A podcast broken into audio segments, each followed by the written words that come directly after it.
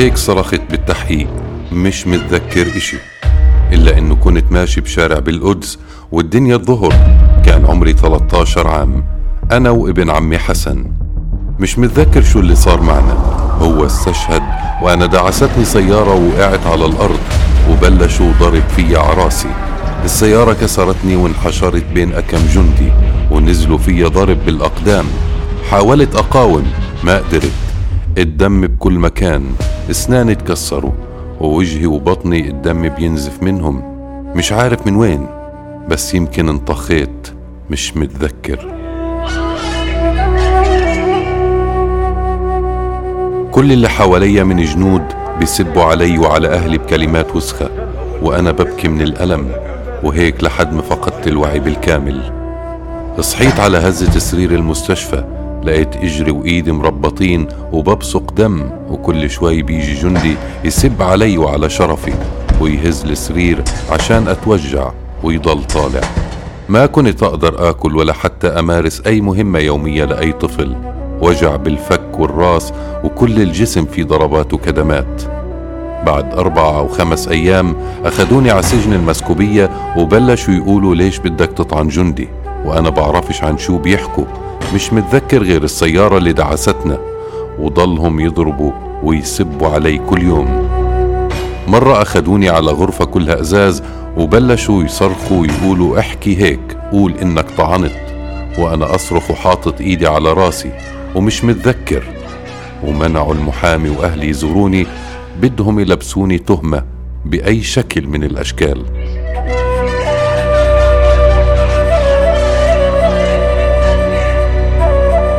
حاول المحامي يخفف الحكم وهم كذبوا عليه وحكوا راح يتخفف الحكم بالاعتراف وأخذوا شوية تفاصيل وحكموا علي 12 سنة وغرامة بمصاري كتير.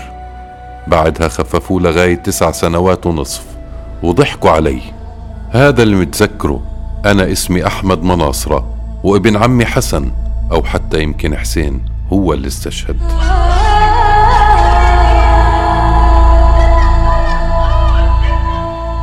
محاكم الاحتلال غير الشرعية عدلوا القانون وسمحوا لمحاكمهم بمحاكمة الأطفال من عمر 12 عام بعد قسطي. صار لي سنة بالعزل الانفرادي. 23 ساعة من أصل 24 ساعة بقضيها بالعتمة. ما بطلع غير آخد الدواء. ما راح أقدر أوصف لكم حجم الألم بالانفرادي. رطوبة ومساحة صغيرة وريحة كريهة. عزل تام عن العالم. بعاني من اضطرابات نفسية نتيجة ممارسة جميع أنواع التعذيب النفسي والجسدي. بيعطوني منوم كل يوم الصبح وبالليل لأضل نايم ويتأثر الجهاز العصبي وبيعطوني أدوية لتزيد من سوء حالتي الصحية بسبب التعذيب اللي تعرضت له وقت الاعتقال.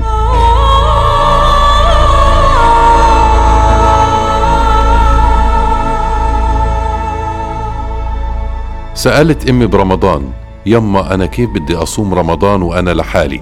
ودايما رابطين إيدي وإجري وبعرفش إشي. يما أنا دايما بغرفة عتمة ما تحملت صرت أبكي وحكيت لها. خلص أنا راح أموت هون مش راح أطلع محدش سائل عني.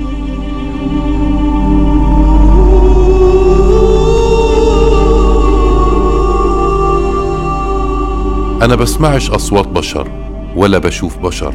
أنا 24 ساعة كأني مغمض عيوني. أنا مش عايش. آخر مرة شافوني فيها الناس حسوا إني مش شايفهم. كنت معزول عنهم رغم إنه بيننا أمطار كنت فاقد الحواس. مش سامع حد ولا شايف حد. كان نفسي ألمس أمي وأحضنها. من 2015 من حد ما اعتقلوني ما قدرت ألمسها. وكل مرة من ورا الإزاز بشوفها. مش راح أقدر أوصف لكم كمية الدمار النفسي اللي صار معي. شوهوني من الداخل. أنا اسمي أحمد مناصرة. اعتقلوني وأنا عمري 13 سنة. كل الناس برا بتكبر إلا أنا ضليت بعمر 13 سنة. طفل مشوه. بستنى أطلع وألعب بسيارتي. في محاكمة للإفراج عني وقوات الاحتلال بتماطل وبتراهن إنه تنسوا. ويحولوني للمستشفيات النفسية بحجة وضعي الصحي عندي شوية أمل إنه أطلع. سمعت الناس بتكتب عني وبتحكي عني وبتطالب إنه أطلع. وسمعت إنه الناس وقعت عريضة وبيعملوا وقفات احتجاجية عشاني. والله صار عندي أمل. لا تقتلوا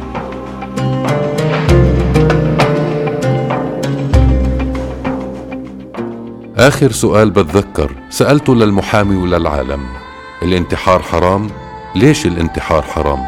ومن عام 1967 وحتى عام 2020 تم اعتقال أكثر من 50 ألف طفل فلسطيني ومنذ مطلع عام 2021 حتى نهاية نوفمبر تم اعتقال 1149 طفل وفي مطلع 2022 اعتقل الاحتلال قرابة 160 طفل وطفلة في سجون مجدو الداون عوفر أنا أحمد مناصرة من الزنزانة. لو طحن عظم جسمي وفي الريح ذريني تكفي فخامة اسمي إني فلسطيني. يا زنزان طار